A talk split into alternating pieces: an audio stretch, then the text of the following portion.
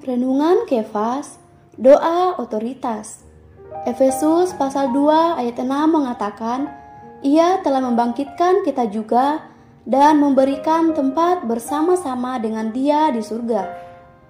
Alkitab mencatat banyak doa yang rohani dan tinggi. Kita tahu ada doa pujian, doa ucapan syukur, doa permohonan, dan doa yang meminta. Tetapi tidak semua orang mengetahui ada doa otoritas. Doa otoritas adalah doa yang memerintah. Ini adalah doa yang paling penting dan paling rohani dalam Alkitab. Doa ini adalah tanda otoritas dan pengumuman otoritas. Sobat Kefas, kita harus melihat posisi gereja yang surgawi. Posisi yang surgawi adalah posisi kemenangan. Selama kita berdiri pada posisi itu, kita memperoleh kemenangan.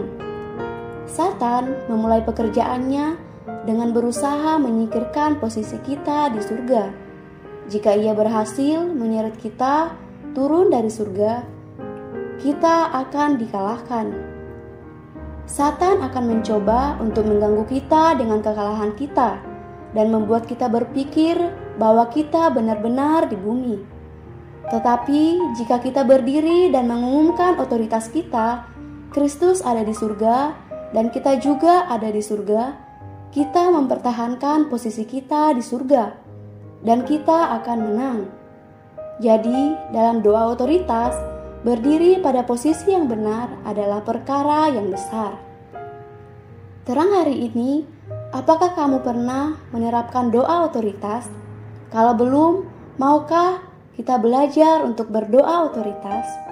Beban doa, berdoa agar Tuhan membawa kita berdoa otoritas supaya kita dapat mempertahankan posisi kita di surga.